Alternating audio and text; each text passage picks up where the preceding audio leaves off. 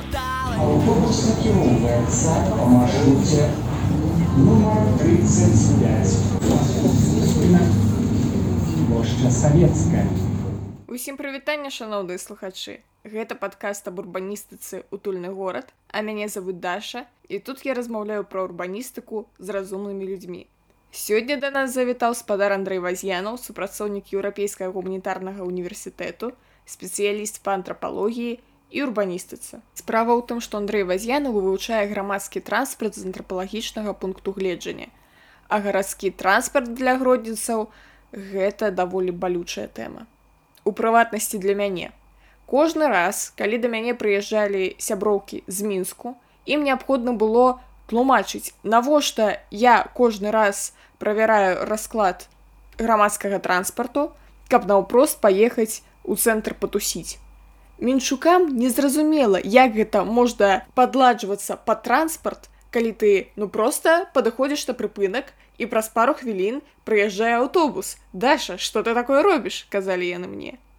А вось для нас для гродзенцаў стала глядзець, а якой гадзіне ўрэшце прыйдзе аўтобус, гэта нармальны лад жыцця. Я вырашыла запрасіць Андрэя Ваз'янова, каб у першую чаргу для сябе зразумець, можа я зашмат патрабую ад нашага транспарту.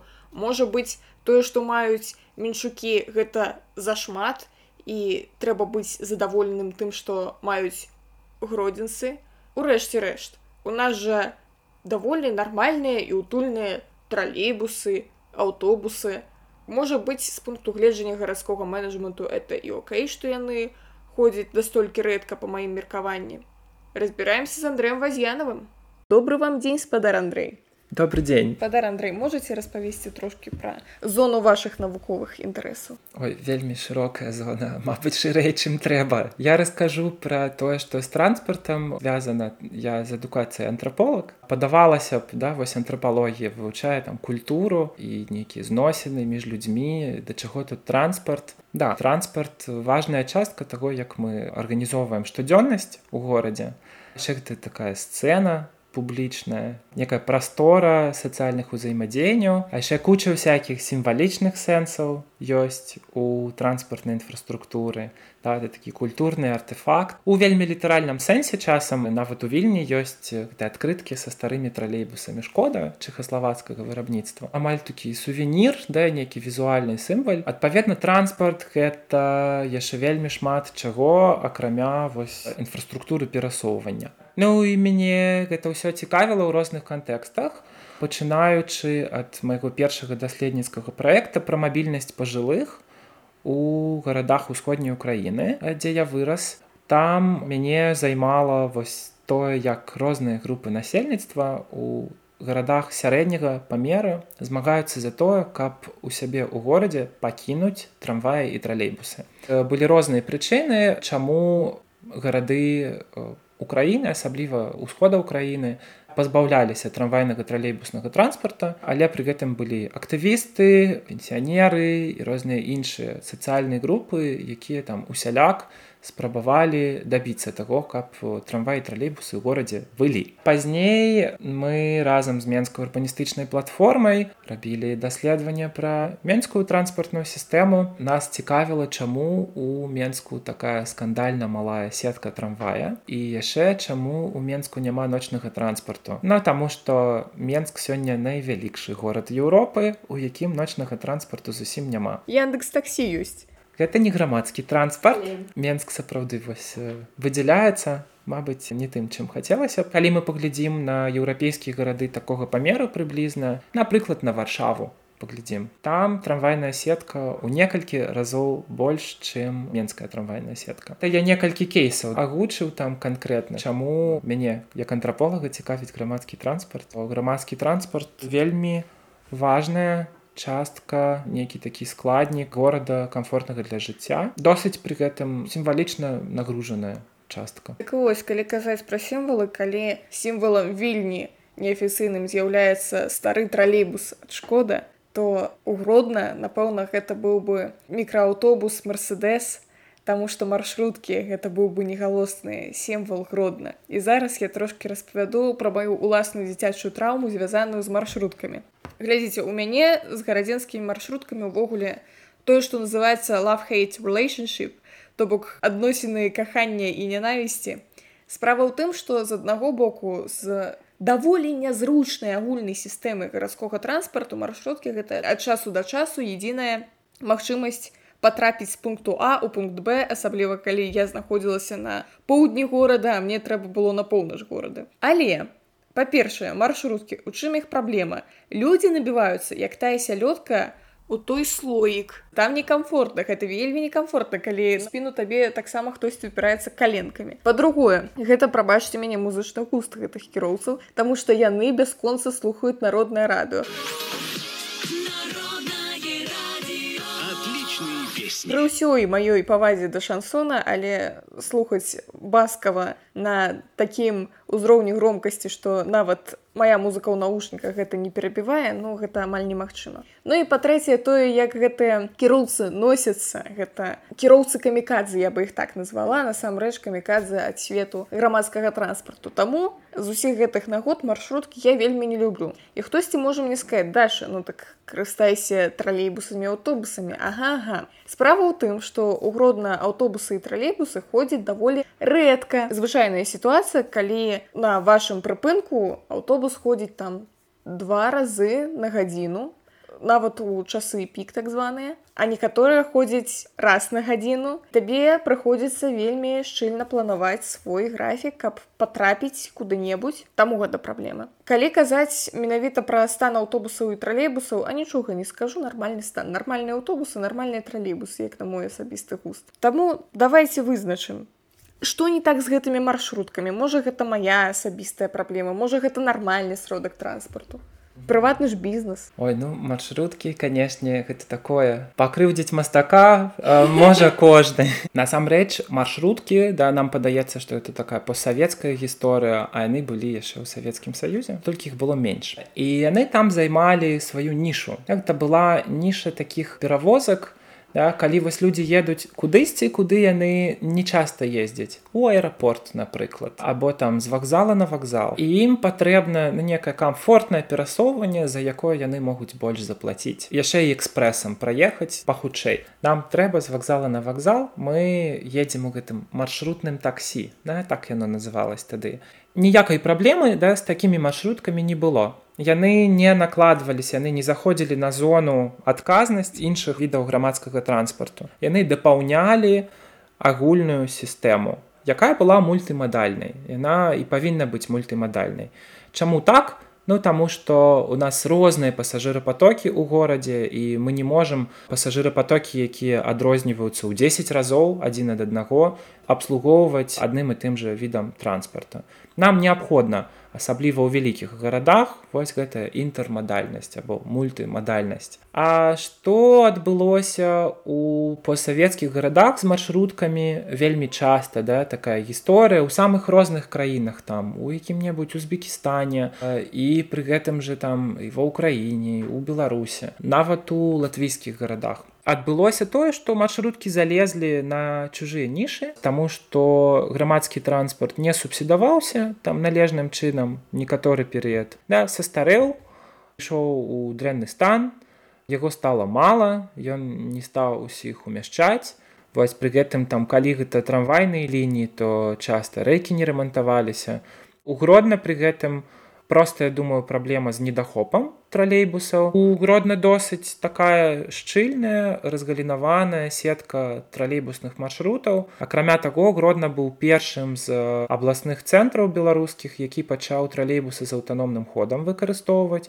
Гэта як? А гэта так калі у тралейбуса ёсць акумулятор да, ён зараджаецца і потым пэўную колькасць кіламетраў тралейбус можа праехаць без кантактнай сеткі да то бок не пад дротамі не чапляцца рогамі да за яго а праехаць як быццам бы ён аўтобус ну прычым электробус. У гродную то досыць паспяхова выкарыстоўваецца і напэўна ніводны іншы абласны цэнтр беларусі за апошнія 10 год не адкрыў столькі новых маршрутаў тралейбуса Да, можа там мінск можа пазмагацца але ў мінску адна з найвялікшых тралейбусных сетак у свеце гродна як бы ну не то каб ёсць прям за што сварыць але просто мала тралейбусаў да мала аўтобусаў вось замест 30 хвілін можа інтэрвал мусіць быць там 10 колькі я там ездзіў па гародні поўныя тралейбусы поўныя аўтобусы да? гэта значыць што просто трэба дадаць яшчэ транспарту з маршруткамі адпаведна штосьці пачынае быць не так калі яны не на сваім месцы тады пачынаецца з аднаго боку шмат праблемаў з умовамі працы саміх кіроўцаў А вось скажем яны не арганізаваны ў некае там прадпрыемства у іх няма зарплаты яны цалкам залежаць ад таго што ім пасажыры заплацілі за білеты. Яны пачынаюць перапрацоўваць да працаваць там змены па 16 гадзін. Яны пачынаюць стамляцца лаяцца быць няветлівымі яны зрастаюць з прасторай сваёй маршруткі. Яна пачынае быць як быццам бы на палову хатняй такой. Вось сядайце вы ў маршрутку а там уже нейкі календарык некі вісіць. Іконка. Конкі да хістаюцца туды-сюды. Адпаведна музыка да крычыць. Як быццам бы вы дамоў зайшлі да кагосьці. Вось у тралейбусе такога няма аўтобусе такога няма. А ў маршрутцы вы у такой семі прыватнай некай прасторы апынаецеся да і у канешне не заўсёды прыемна сябе адчуваць гостцем там дзе па ідэі ну усе мусяць быць нейкіх гарызантальных зносінах. Так што нас можа шмат што раздражняць у маршрутках таму што мы самі сябе да як бы не на месцы адчуваем. Чаму маршруткі такія перагружаны? Таму што яны бы не працавалі калі б не былі перагружанымі. Гэта прыватны высілак зарабіць грошаў адпаведна калі яны будуць непоўныя кіроўцы не будуць матываваныя вазіць людзей. У многіх гарадах маршруткі увечары перастаюць хадзіць раней чым вялікі грамадскі транспарт. Увечары менш пасажыраў а адпаведна ты не можаш набіць сваю маршрутку максімізаваць прыбытак калі ты не максімізуеш прыбытак ты просто едзеш дамоў так а 19 многія маршруткі перастаюць ужо ездзіць ну, вось калі яны не могуць ездзіць бітком то ім як бы навошта увогуле уже ездзіць Таму і выходзіць те што у нас ёсць такі праблемны гэты вопыт з маршруткамі непрыемны часта часам нават стрэсовы Таму што часта яны замяняюць сабою нейкі транспарт большай умяшчальнасці акрамя таго у мяне яшчэ быў поўны стрэсы калі я ездзіла і ў тралейбусах і аўтобусах і гэты стрэс называется прабіць талончык сітуацыя нумар один. Ты хочаш купіць талончык у кіроўца а табе адказваюць а скончыліся і потым калі на наступным прыпынку зайдуць кантралёры ты ім не патлумачыш што кіроўцы скончыліся талончыкі гэта твоя праблема па-першае по-другое колькі разоў у мяне ў тралейбусах у гэтых жалезных кампостарах ведаеце калі вы туды кладзеце талон і потым трэба націснуць на ручку з боку колькі яны ў мяне там ірваліся застрагалі ўсё астатняе гэта ну просто не палічыць. Некалькі разоў было што ў гэтых ужо пластикавых кампостарах таксама туды калі пакладзеш паперку трэба вельмі вельмі моцна націснуць таму што могуць не прабіцца талоны потым кантралёр такі ага дзірачак няма. Так дзірачак няма то гэта наўмысна. І гэта пэўны стрэс канешне. Слухайце але вось сітуацыя калі у кіроўцы няма талонаў так. і заходзяць кантралёры так Няўжо кіроўца не можа падлумачыць, што ў яго няма талонаў. Ён прям падстаўляе пасажыры вось настолькі. У маіх знаёмых былі сітуацыі, калі ну не было талону іх штрафавалі потым са словамі ну гэта вашая праблема трэба было туды не ехаць, калі не мае талону. Цікава, што кіроўца казаў у гэтай сітуацыі. Кіроўца казаў, няма там з аўтапарку не падвезлі што я вам зраблю А трэба было то бок на наступным прыпынку выходзіць так ён лічыў да кіроўца трэба было ўвогуле не заходзіць вось вы падходзіце да кошачка і кажаце адзін талон табе кажуць няма трэба выпрыгваць з аўтобус А на ўваходзе то бок так. табе кажуць няма да таго як аўтобус крануўся з месца Ага. Ну Это, канешне, штосьці кажа пра стаўленне да кліентаў у цэлым на беларускім рынку паслуг. Вельмі такое савецкае стаўленне, калі няма свабоднай канкурэнцыі, вось муніцыпальнаму транспарту не тое, каб трэба з кімсьці канкураваць, быць прывабным, прыемным, тому што яму няма альтэрнатываў, паедзеш ты, або на маршрутцы у якой шмат мінусаў да або вось на муніцыпальным аўтобусе у якім як абслугоўваюць так і абслугоўваюць. Вас шмат а я адна адразу. Гэта менавіта адтуль мне падаецца ідзе да. А яшчэ ўсе гэтыя прышпелы ведаеце. Калі пачаўся ковід яны зрабілі QR-коды ў кожным аўтобусе то бок можна было праз нейкі дадатак адсканаваць і аплаціць білет і фішка ў тым што вось вісіць некалькі QR-кодаў і ў перапоўненым аўтобусе людзі з тэлефонамі пытаюцца неяк праціснуцца неяк адсканаваць нічога не атрымліваецца і у мяне заўсёды было пытанне чаму не зрабіць такой дадатак як трафі напрыклад ва ўсіх нармальных гарадах дзе ты просто заходзіш забываеш білет і потым кантралёры скануюць свой QR-код у дадатку. Да добрае пытанне чаму не зрабіць. айцішнікаў краіна то па ідэі ёсць каму зрабіць. Ну можна да просто сваю праграмку калі там трафік гэта я не ведаю некая франшыза міжнародная да, і цяжка цяжка вось пераймаць міжнародны досвед так можна было бы падобную некую просто распрацаваць. Вось прям трэба у айцішнікаў спытаць што чым яны займаюцца у краіне за праезд не аплочаны написано нормально. А мне здаецца гэта таму што айцішнікі карыстаюцца выключна таксі і не зразумець нашых праблем небагатых людзей дарэчы а давайте мы з вами патлумачым што з'яўляецца грамадскім транспартам што не. Вось таксі не з'яўляецца я так разумею. Да таксі не з'яўляецца грамадскім транспартам таму што ў яго няма фіксаванага маршруту то бок вось яно едзе так як замоўнік сказаў да яно і паехала Хаця пры гэтым таксі да мае публічную аферту то бок таксіст не можа адмовіць пэўнаму кліенту просто таму што твар не спадабаўся там колер вачэй не спадабаўся штось яшчэ можуць быць там нейкі да умовы кшталту п'яны не возьму або там з вялікім сабакам ці штось яшчэ але няма фіксаванага маршруту. І наконт тых же маршрутных таксі да адпаведна быў такі дэбат вось іх лічыць грамадскім транспартам ці іх лічыць нейкім нефармальным грамадскім транспартам. Там мы можа больш прывыклі да такіх маршрутак якія устойлівых маршрутах фіксаваных ездзяць. А бывае такое калі ці па маршрутка ідзе да мікрараёна некага адлеглага там развозяць па вуліцах там пасажыраў па адным бывае такое я напрыклад пра грузінскія гарады такое просто чуў ад калег. Так что я так вось упэўнена сказаў таксі гэта не грамадскі транспарт але дзе тая мяжа да дакладная паміж грамадскім транспартам і прыватным транспартам это пытанне Ну то бок у нас ёсць тое, што мы устойліва адносім да грамадскага транспарту, там аўтобусы, тралейбусы, трамваі, манарэйкі, метро, гарадскія электрычкі. ёсць тое, што дакладна не адносім да грамадскага транспарту. А ёсць вось тое, што або такую прамежкавую некую пазіцыю займае, або з'явілася нядаўна і ўвогуле функцыянуе не так, як мы прывыклі, не ведаю сістэмы велапракату. Это канешне, нібы, не грамадскі транспарт але некая грамадская інфраструктура транспарта пры гэтым. Так что тут гэтыя ўсе цэтлікі маюць пэўную ступень умоўнасці. Такая слізкая мяжа насамрэч. А вось глядзіце А што на ваш густ такое добры грамадскі транспарт? Я бы сказаў што добры грамадскі транспарт усё же не пытанне густу а пытанне таго наколькі ён адпавядае крытэрыям зручнага для жыцця горада Тут, канешне, можна запытаць, а што такое зручны для жыцця горад, хіба гэта не суб'ектыўна, да і не пытанне густу. Тут урбаністыка і гарадское планаванне і сацыяльнай навукі, напэўна, ўсё ж адкажуць, што ну не зусім гэта пытанне густу. Да ёсць пытанне роўнасці, напрыклад, пытанне сацыяльнай інклюзіі.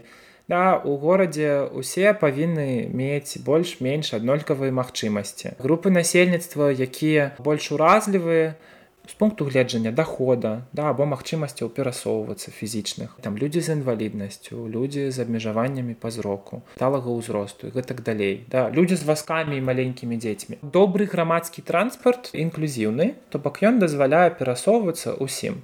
Гэта і пытанне нейкіх даступных коштаў каб цена за квіток была не некая конская а вось такая что можна ўзяць і паехаць. І гэта пытанне фізічнай даступнасці да каб там было безбар'ернае асяроддзе можна было вось і з васком і на інвалідным васку заехаць каб былі нейкія пандусы каб кіроўцы былі навучаны гэтымі пандусамі карыстацца калі ў іх пасажыр на васку вось гэта такое адно да вымярэння даступнасць транспарта. Каб ён быў добрый да мусіць быць даступнай Ён мусіць быць зручным у плане часу, то бок хадзіць заўсёды, калі трэба. Ну то бок каб это не было што мы працуем з 9 до 18 з панядзелка по пятніцу. Добры грамадскі транспорт так не можа. Яшчэ канешне гэта пытанне прасторавай арганізацыі маршрутаў. Наколькі гэтая сетка маршрутаў пакрывае усе пункты прыцягнення пасажырапатоку усе месцы куды нам можа спатрэбіцца паехаць або адкуль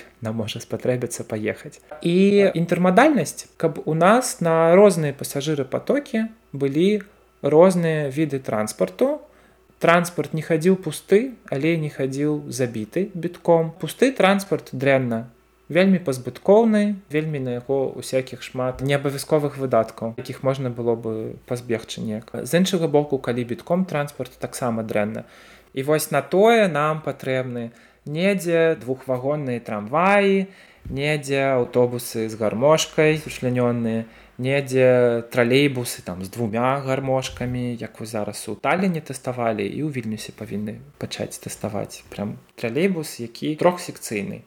У Менску ёсць трамвай мяцеліца. Вельмі мала, але іх там таксама тэставалі.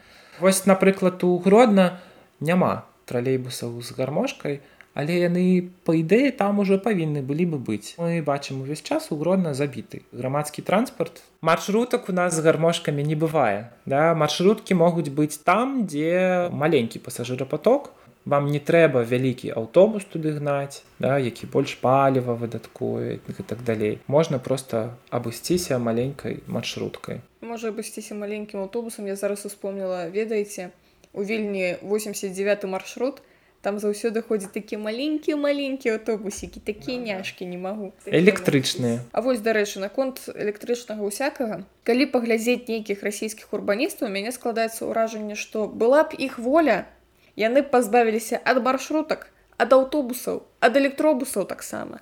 І хадзілі падныя трамваі па гарадах Сесть на современный, низкопольный, красивый трамвайчик. Трамваю требуется меньше площади, чем э, тому же автобусу. Ну, трамваями будущее. як вы ставіцеся да такога меркавання задумаўся пра тое што не так часта гляджу расійскіх і не урбаністаў трэба апошнім часам просто таму што лепш за ўсё слухаць нейкіх сваіх урбаністаў бо гарады ў розных умовах да, у нас развіваюцца у беларусі скажем гэтыя умовы яны трохі іншыя і я нават не кажу пра некія цяперашнія тамоўна палітычныя эканамічныя умовы але ёсць і гістарычныя умовы вось скажем ёсць які-небудзь варонеж мільённік расійскі у якім да 2003 года была вельмі развітая трамвайная сетка. Там больш за 20 маршрутаў было. Потым мэрыя з нейкіх прычын яе знішчыла і ў нейкія абсалютна рэкордныя тэрміны то бок просто этой вялізнай трамвайнай сеткі не стала ў 2009 закрылі апошні маршрут можна зразумець расійскіх урбаністаў які прям разгневаны вось такім ходам падзеяў Таму што у вас была гістарычна гэта вельмі каштоўная інфраструктура трамвайная. На яе ў свой час вытрацілі вельмі шмат сродкаў. Трамвай будаваць досыць дорага. З іншага боку у варонежа няма метро. І разгалінаваная сістэма трамвая дазваляла абыходзіцца без метро. Таму што трамвай ўсё ж такі перавозіць вялікія пасажыры потокі. Калі у вас там не 10 мільёнаў жыхароў, а 1 мільён жыхароў, то у прынцыпе можна з добрай трамвайнай сістэмай неяк далей і жыць. Да я там дабудоўваць, рэарганізоўваць, на абнаўляць перыядычна і неяк так далей жыць без метра. У мінску, напрыклад, гістарычна склалася так, што вось яшчэ з паваенных нейкіх дзесяцігоддзяў вельмі актыўна будавалі тралейбус і разбудавалі гэтую сетку да таго што яна стала другой у свеце у пэўны момант пасля маскоўскай сёння там калі ішлося пра тое каб взять і з тралейбусаў перайсці на электробусы там у нейкіх расійскіх гарадах калі там маленькая тралейбусная сетка ёсць пры гэтым хорошая некая вялікая трамвайная.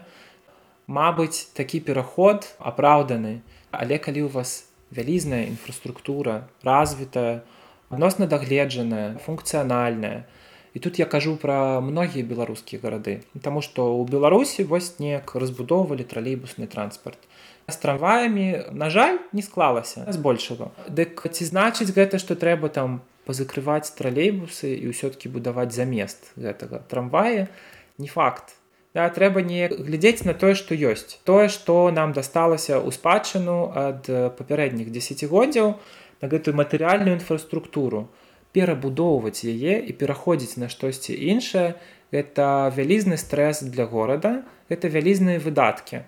Вось я такі прыклад яшчэ зараз згадаў. Многія кітайскія гарады вельмі рэзка пераходзяць на электрычны аўтобусны транспарт з бензінавага. Это, канешне, здорава, што з'яўляецца з нулевымі выкідамі да рухомы склад новы.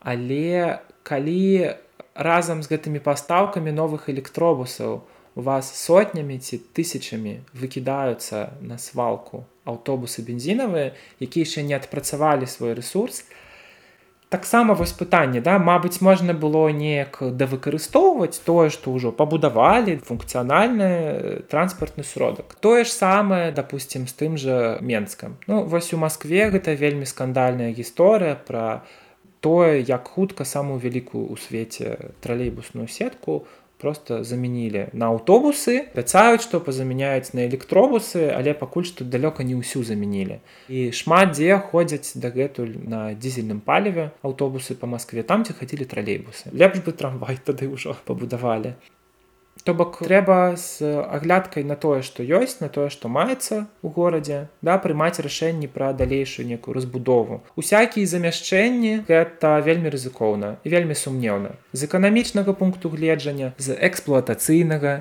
калі некая новая мадэль паступае і тым больш новы від транспарта, людзі не ведаюць як яго эксплуатаваць. Трэба ж нейкі навыкі выпрацоўваць. Калі ёсць добрая эксплуатацыйная служба для тралейбусаў а тут паступаюць электробусы вялікі адсотак гэтых электробусаў ламаецца і там дзе можна пачыніць то не ведае як пачыніць адпаведна ну, такія праблемы. Давайте тады паглядзім на гродна больш прыблізна. У гродні ёсць тралейбусы і аўтобусы.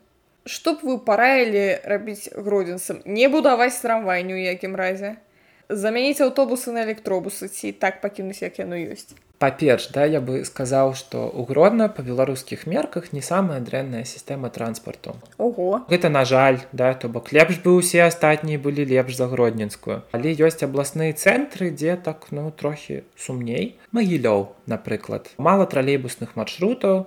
Глядзіце колькі угродна тралейбусных маршрутаў? Больш за 20 у магілёве калі не памыляюсь 7 і гарады пры гэтым прыблізна аднолькавага памеру дай па насельніцтву прыблізна аднолькавая. Такая праблема якая адразу выкідаецца у вочы у гродную да перапоўнены грамадскі транспарт. Часта вось ездзяць поўныя тралейбусы поўныя аўтобусы. Трэба больш сучлянённага рухомага складу тыя самыя тралейбусы з гармошкай трэба просто каб яны часцей хадзілі. Зараз і ты там інтэрвалы по 20 по 30 хвілін многовато тут ніхто не скажа дакладную колькасць хвілін да якой зручна чакаць а пасля якой уже незручна. Ну, 30 хвілін гэта дакладна зашмат. Мы нават сустрэчы прызначаем з некай большай дакладнасцю. Калі спазняемся больш чым на 10 хвілін то можа тады папярэджваем да, напэўна і выбачаемся за то што вось ой спазніліся на 10 хвілін. Напэўна можна гэта неяк спраецыраваць на транспорт калі мне не дазваляе транспорт кожныя 10 хвілін з'ехаць у патрэбным мне кірунку тут уже некая праблема гэта стварае некую незручнасць і гэта матывуе мяне шукаць альтэрнатывы грамадскаму транспарту у выглядзе таксі прыватнага аўтамабіля і напрыклад ровара калі штосьці мяне матывуе глядзець у бок аўто тут ужо праблема з пункту гледжання вось горадабудаўніцтва і транспартнага планавання тосьці ўжо не так ідзе. Вяртаючыся да да таго што параіць радзенскай транспартнай сістэме. Акрамя таго што проста трэба больш тралейбусаў больш аўтобусаў і пажадана з гармошкай. Калі бы я быў дзесіжн мейкерам да мяне бы запыталі а трамвай трэба ўгродна ці не? Ведаеце трэба глядзець на гарадскую марфалогію і зразумець ці ёсць у гродна такія пункты а б напрыклад с сувязі паміж якімі немагчыма абслугоўваць тралейбусамі. Ну то бок там настолькі шмат людзей ездзіць што тралейбусаў не хапае. Тралейбусы вось ужо там і кожныя тры хвіліны ходзяць але ўсё адно яны забітыя вось тады гэта значыць што трэба думаць пра новы від транспарта. Часта сёння калі плануюць скажем рэйкавы транспарт у горадзе тую ж трамвайную сістэму то плануюць адразу некалькі ліній Таму што калі у вас адна лінія, у вас вельмі высокая эксплуатацыйныя кошты. На адзін трамвай прыходзіцца больш выдаткаў. Калі гэтых трамваяў у вас у дэпо стаіць 30 штук. Калі іх 300, тады на адну адзінку выпадае менш розных коштаў. Менш чалавек абслугоўчага персаналу выпадае на адзін трамвай. Адпаведна, усе гэтыя службы тады эфектыўней працуюць. Так што калі думаць да пра трамвай, то ты трэба думаць тады пра некалькі ліній адразу. Трэба ўяўляць, што калі сёння мы вырашым пабудаваць трамвай, калі ён дэ-факта адкрыецца, то яшчэ пытанне, бачым як менскі метрапалітэн пазняецца ўвесь час сваім адкрыццём новых станцый. У гродна ёсць патэнцыял просто дакупіць тралейбусаў на тыя лініі што ёсць іх пусціць і ўжо пасажырам стане нашмат комфортней плюс я вось не ведаю на жаль колькі у гродні выдзеленых аўтобусных і тралейбусных ліній ліній для грамадскага транспарту На маёй памяці іх увогуле не было, можа іх было настолькі мала, што я іх не заўважала. На маёй таксама не было. Насамрэч з тых часоў, як я і спадар Андрэй былі ў грудні, змянілася шмат чаго і выдзеленыя полосы з'явіліся. Іх стала аж цэлых дзве. Першая на вуліцы перамогі ад кальца каля філармонію бокшклузаводу, а другая на румлёўскім праспекце каля дзяржаўтай інспекцыі у бок румлёўскага моста. Гэта таксама яшчэ прастора для манёўра можна яшчэ бы павялічыць хуткасць да таго грамадскага транспарту які ёсць у нас канешне ёсць у кейсе гродна гістарычны цэнтр з вузкімі вуліцамі з аднастароннім рухам але не ўся гародня такая. Ёсць і спальныя мікрараёны з досыць шырокімі праспектамі вось і з вялікім пасажырапатокам і вось там такія палосы вылучаныя для грамадскага транспарта яны бы вельмі прыдаліся. Калі бы стала больш такога транспарту, калі б ён часцей хадзіў, то я думаю, што вялікая колькасць людзей бы перасела з маршрутак просто ўжо таму што прыемней ехаць стоячы не сагнуўшыся. Прыемна ехаць так каб цябе там была магчымасць кніжку раскрыць і чытаць. У маршруцы гэтага нічога немагчыма рабіць так это паніжае якасць часу праведзенага вамі у дарозе Наконт якасці часу для мяне было адкрыццём, калі я патрапіла ў вільню, тут у грамадскім транспарце амаль няма рэкламы. Ну то бок толькі нейкія істотныя абвесткі. Тым часам у гродні, но толькі што радыёгродна не круціць. Насамрэч там стала ідзе вось гэта рэклама, што, канешне, прыбытак для аўтапарку. І аднойчы я ў аўтобусе услышала ну гэта кландайк проста. Вас не радует жизнь, смените пол в хорошем смысле, конечно кампанія кладзём палы ламінат плітка вось гэта ўсё. Я там як стаяла дзякуй Богу што трымалася за поручні таму што магла бы і упасці там. Як вы гэта прыдумалі? І вось нешта такое стала круціцца і перабівае насамрэч тую музыку ў наушніках аўдыокніжкі Як вы думаеце што з гэтым рабіць? Заканадаўча забараніце што? Беларуская рэклама гэта канешне асобны сусвет. Почему я покупаю продукты абц Я беру их за большие яйца, за крепкий хрен. За... Мне падаецца, што нам патрэбны будзе асобны музей беларускай рэкламы, беларускай сацыяльнай рэкламы. Ну яна па нейкіх сваіх законах жыве і развіваецца у адрыве відаць ад рэальнасці пэўнай да гэта ў прынцыпе такая істотная рыса беларускага грамадства то розныя групы ўнутры яго яны жывуць у такіх вельмі розных культурных традыцыях Я магу прыблізна уявіць эмоцыі ад рэкламы ў тралейбусе. Паколькі я сам не рэкламшчык, я не ўяўляю, наколькі это эфектыўна. Тое, што людзям рэкламуюць у тралейбусе, наколькі яны потым захочуць гэта купіць. Мабыць, яны так это ўзненавідзяць просто пачуўшы 1600 разоў рэкламу ламіната да падумаць о не я вось тут дзірачку кілімком закрыю і хай так будзе далей. У цэлым, канешне, гэта, добрае пытанне наколькі прынцыпе гэтую аўдыальную прастору гукавую прастору нашага слыху можна ў транспарце займаць такімі неістотнымі рэчамі. Таму што калі табе ўвесь час штосьці кажуць то потым калі там будзе абвестка з назвай твайго прыпынку у гэтай плыні вылучыць патрэбную табе абвестку куды складаней. Потым канешне гэты няспынны гоман рэкламны больш робіць эфекты для тых хто не ў навушніках для пажилых людзей моладзь слухае сабе музычку з телефона часцей за ўсё А вось людзі якія не прывыклі слухаць плеер і глядзець YouTube яны цалкам проста прадстаўлены гэтай гукавай плыні. Па добрым толку трэба запытацца ў людзей наколькі іх раздражняе рэклама якая менавіта рэклама іх раздражняе таму што мабыць камусьці вельмі прыемна там гродна гартранс зычыць ім прыемнага дня такія абвесткі таксама часам бываюць да калі там са святам віншуюць. Ёсць яшчэ всякі там вось у парыжу я чуў кастамізаваныя аб'яўкі прыпынкаў. Калі у вас свой асаблівы аўдыоджингл на кожны прыпынак і ты едзеш по маршруце трамвая і там табе вось абвішаюць што вуліца такая і некая там нотка да нейкі шумок які пры гэтым не паўтараецца не паўтарае шумкі і ноткі ад іншых прыпынкаў. Гарыгляну Терминус. Да, тут ёсць чым папрацаваць, але сапраўды варта запытацца спадарства шаноўнае. Вам вось наколькі гэта траўматычна.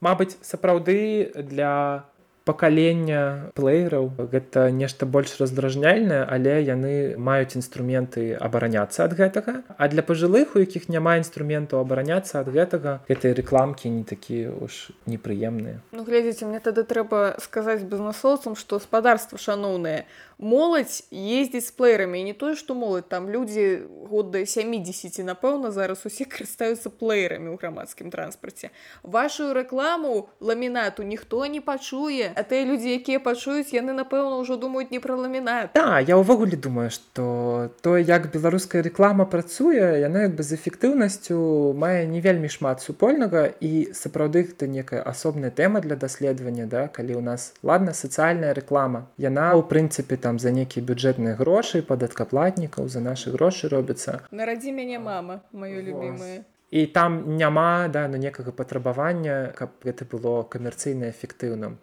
але ж калі гэта подлога і ламінат яны ж не просто так па ідэі гэтую рэкламу падаюць да аплочваюць яны же чакаюць што пасажыры штосьці іх будуць купляць а яно так не працуе. Але ж вам на гэта аўтапарк можа адказаць што а дзе мы тады будзем браць грошы каб закупляць гэтыя вашыя аўтобусы з гармошкай. Вось насамрэч, як бы нам так зрабіць, чтобы у гарадскім бюджэце хапала сродкаў на ўвесь гэты транспарт. Ой, ну это улюбёнае пытанне да урбаністаў. Урбаністак як зрабіць грамадскі транспарт акупляльным? І адзін з класічных адказаў гучыць вельмі проста ніяк. Але што гэта значыць? Грамадскі транспарт сапраўды каштуе досыць шмат і за доходы ад рэкламы новыя аўтобусы з гармошкай не купіш ці ведаеце вы колькі плаціць тая кампанія з падлогай за такую крэатыўную рэкламу? Ну я ўяўляю парадак лічбаў і я ўяўляю парадак коштаў аднаго тралейбуса новага дайце аднаго аўтобуса. Тут хутчэй пытанне хто адказвае за фінансаванне грамадскага транспарту за што яшчэ адказвае той хто адказвае за фінансаванне грамадскага транспарту мы калі комплексна паглядзім на ролю трамваю тралейбусаў аўтобусаў у горадзе мы пабачым што яны для горада прыносяць ускосна усякі прыбытак. Яны па-перш эканомяць людзям час. Людзі маюць дзякуючы грамадскаму транспарту больш часу на на тое каб працаваць а яшчэ на тое каб адпачываць. Спажываць нейкія тавары і паслугі. Гэтыя пасажыры яны там дзякуючы грамадскаму транспарту маюць лепшае здароўе эканомяць нейкія сілы яшчэ. Грамадскі транспарт дазваляе зрабіць вуліцы менш загружанымі паветра ў горадзе больш чыстым. Зноў-такі памяншаецца нагрузка на медычныя установы Вось калі у вас перад вачыма гэты гарадскі бюджет і вы бачыце як штосьці што вы тут выдаткавалі. Гэта дапамагло штосьці зэканоміць у нейкім іншым месцы. Вось вы тады сабе ўяўляеце што для горада значыць грамадскі транспарт. Канешне варта імкнуцца рабіць грамадскі транспарт менш субсідаваным менш пазбыткоўным але казаць што калі ён не прыносіць прыбытку да яго трэба закрыць гэта шлях у вельмі аўтамабілецэнтрычнае неякаснае гарадское асяроддзе якое яшчэ вельмі несправядлівае таму што у нас ніколі не могуць усе перасесці на аўтамабілі. Ну і да гэта пытанне каштоўнасцяў з аднаго боку экалогіі з іншага боку. Каб падсумаваць бо я тут так разгарнуў гэта слова ніяк варта улічваць якія прыбыткі гораду яшчэ прыносіць грамадскі транспарт акрамя таго што пасажыры плоцяць за квіткі варта глядзець наколькі ён дазваляе быць гараджанам здаравей гораду чысцей вуліцам менш загружанымі найбольш прывабнымі І давайте тады мы яшчэ скажам наконт здароўя зараз набываюць папулярнасць усе гэтыя ровары, самакаты, малая мабільнасць. Пытанне такое. Вам зноў жа гарадскія менеджеры могуць адказаць. У нас 8 месяцаў зімы. Мы не будзем выдаткоўваць грошы рабіць тыя веладарожкі, таму што ніхто імі не будзе карыстацца. Што вы можете адказаць такім менеджерам? які кажуць што не будзем рабіць веладарожкі таму што ў нас э, снег 9 месяцаў у годзе Ну я па-перш напэўна на кліматычную дыяграму да ім укажу вось Беларусь клімат дазваляе веламабільнасць як мінімум палову года а то і больш веладарожкі часто канешне малююцца вось на ходніках просто ходнік дзеліцца на палову і на адной палове у нас э, пешаходы а на другой раварысты карацей усё так робіцца каб не пакрыўдзіць аўтааматараў каб аўтамабілям нічога не адабраць не адрэзаць а вы ж там неяк будзеце туліцца усе астатнія. Трэба паказаць чаму вялікая колькасць ровараў і раварыстаў гэта добра для горада. Гэта чысцейшае паветра гэта большая самастойнасць гараджан Таму што ровар гэта якраз door-to-door мабіліці. А дзверы да дзверы вы можете праехаць роварам. Да? метро ніколі не дазваляе зрабіць такую ад дзверы да дзверы мабільнасць. Не будзе вас метро да пад'езда падвозіць. Трэба, каб чынавенства уяўляла сабе, што ровары гэта не толькі для забаўкі, гэта не толькі ў вольны час. Гэта яшчэ і паехаць на работу, паехаць мабыць на нейкія закупы нават рофер то бок это досыць такі утылітарны інструмент А як наконт усіх гэтых самакатаў у вільні яны ёсць напрыклад а у нас няма А чаму так? Думаецца што з-за таго што цэнавы сегмент гэта такі які можа сярэдняму гарадзенскаму бюджэту жыхара ці жыхаркі гародні не па кішэні. Увогуле з электрасамакатамі зараз такая звязана дыскусія наколькі яны сапраўды экалагічныя калі паездкі на самакаце робяцца замест пешых паходаў. Важное пытанне это паездкі на чым заменяются поездками на электросамокатах калі поездка на аўтамабілі заменяется поездкой на электросамокате супер эмісіі карбонавыя памяншаюцца гнуткасць у чалавека да ў мабільнасці павялічваецца адно шасцейка калі гэта замест таго каб 15 хвілін прайсціся пешу хтосьці бярэ гэты электрасамакат і едзе на ім там 7 хвілін сумнеўная карысць такога Таму што ўсё ж эмісіі ад функцыянавання сістэмы велапраката ці праката электрасамакатаў яны ёсць гэтай выкіды яны ёсць это ўсё-таки высокатэхналагічны транспартны сродак яго трэба вырабляць на вырабніцтве трэба энергія гэта некая вытрачаецца гэты электрасамакаты трэба неяк чыніць яны ламаюцца я вось не ведаю наколькі яны даўгавечныя дарэчы але хутчэй за ўсё ну некалькі год яны служаць а потым трэба абнаўляць да дакладна штосьці ламаецца напэўна выдаткі на эксплуатацыю праката электрасамакатаў і кліматычны след ад праката электрасамакатаў ён меншы чым ад аўтамабіля але большы чым ад пешаходаў. Таму хадзіць пешу гэта самае тое. Часта не працуюць электрасамакаты на тое каб замяняць аўтамабільныя паездкі Таму што большасць сістэм праката электрасамакатаў пакрываюць цэнтры гарадоў Прытым, што ў нас цэнтры гарадоў больш пешых сувязяў месяц у сабе. І па ідэі якраз такі бы па цэнтру горада хадзіць, а ехаць у цэнтр з няцэнтра можна было б на электрасамакаце тым жа або на ровары. Так што калі аператары гэтага праката прыйдуць на ўскраіну, то мабыць, яны тады стануць больш экалагічнымі. Але прыбытку іх будзе менш. Таму што там не будзе такога попыту. Вось такая дилемма. Цікава, давайте каб ужо падвесці нейкі вынік, скажитеце, калі ласка, які ваш уласны фаварыт, вам асабіста які інструмент дабрацца з пункту А ў пункту Б больш за ўсё падабаецца Мне ёсць з дзяцінства суб'ектыўная прывязанасць да трамваю. Гарады проста такога памеру, як мне падабаюцца, у іх, як правіла, ёсць трамваі або патрэбны трамваі. Я вось люблю неяк так, каб было там паўмільёнчыка. Супермегаполісы, можа, не вельмі люблю, але каб ну такога прыстойнага памеру быў горад. Трамваі люблю яшчэ за тое, што можна у іх неяк свой час выкарыстоўваць для сябе. На ровары, ў прынцыпе, люблю катацца, але пры гэтым не паслухаеш музычку, калі едзеш на ровары. Ну таму што гэта небяспечна. У горадзе, асабліва калі вы па праезжай частцы едзеце, трэба, каб вушы слухалі горад. Тралейбусы люблю, таму што гэта традыцыйна вельмі такая беларуска-літоўская тэма. У нас некалькі гарадоў, якім ужо па ідэі па стандартах даўно паложаны трамвай, але замест гэтага яны вось дагэтуль абыходзяцца тралейбусамі. І гэта гомель, напрыклад, или гэта і вільнюс. Паўмільённікі, да, ім бы ўжо трамвай. Але вось неяк не. Гістарычна тут такі разгалінаваныя сістэмы тралейбусаў. Таму трамваі і тралейбусы люблю. Але скажем, калі вы пачынаеце прафесійна займацца транспартнымі пытаннямі, транспартнымі праблемамі, неяк пачынае ўсё адслойвацца і вы разумееце, што окей, тут мой густ і суб'ектыўная некая прывязанасць. А тут вось тое, што паводле урбаністычнай навукі належаць гэтаму месцу і павінна там быць. Я, канешне, з разуменнем для сябе прымаю неабходнасць ездзіць у метро па мінску ці кіеву ці берліну тому што яны вельмі вялікія і разумею што ў якую-небудзь вёску у мяне павязе не трамвай а аўтобус тому што там няма столькі людзей каб ездзіў трамвай.